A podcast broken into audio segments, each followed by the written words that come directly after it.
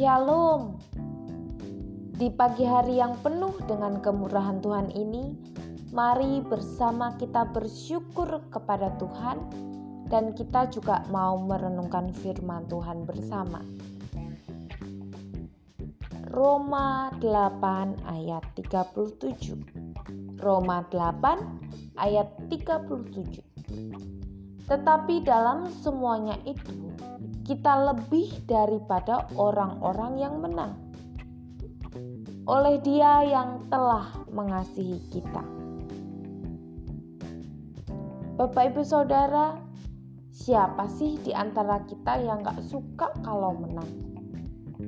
Wah, kalau saya mengamat-amati ya, kalau ada lomba yang diadakan di gereja, semua pasti berlomba-lomba mengeluarkan bakatnya, berlomba-lomba untuk memberikan yang terbaik dengan harapan bisa menang ya. Sekalinya sudah menang, senang sekali dan pengen lagi menang kalau ada perlombaan selanjutnya.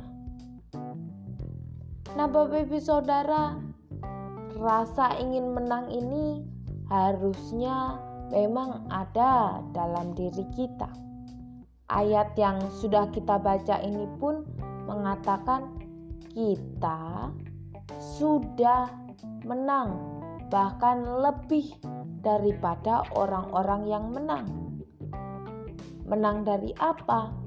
Yaitu menang dari dosa. Dari mana sih kita bisa menang? Semua itu berkat kasih Allah yang begitu besar dalam hidup kita. Bukan karena kita melakukan sesuatu agar kita bisa menang, tapi Allah sendiri yang melakukan sesuatu untuk kita. Yesus disalib, dan ketika itu pula kita sudah dimenangkan dari dosa, dari kuasa dosa. Bapak, ibu, saudara, sama seperti ketika kita menang lomba dan kita ingin menang terus dan menang terus. Demikian pula kita orang percaya yang sudah menang dari dosa. Mari kita mempertahankan kemenangan yang kita miliki ini. Jangan sampai kita jatuh dan kalah lagi karena dosa. Setiap hari hidup kita dihadapkan dengan kenikmatan-kenikmatan dunia. Nah, apakah kita mau lagi hidup terjerat dengan hawa nafsu dunia ini?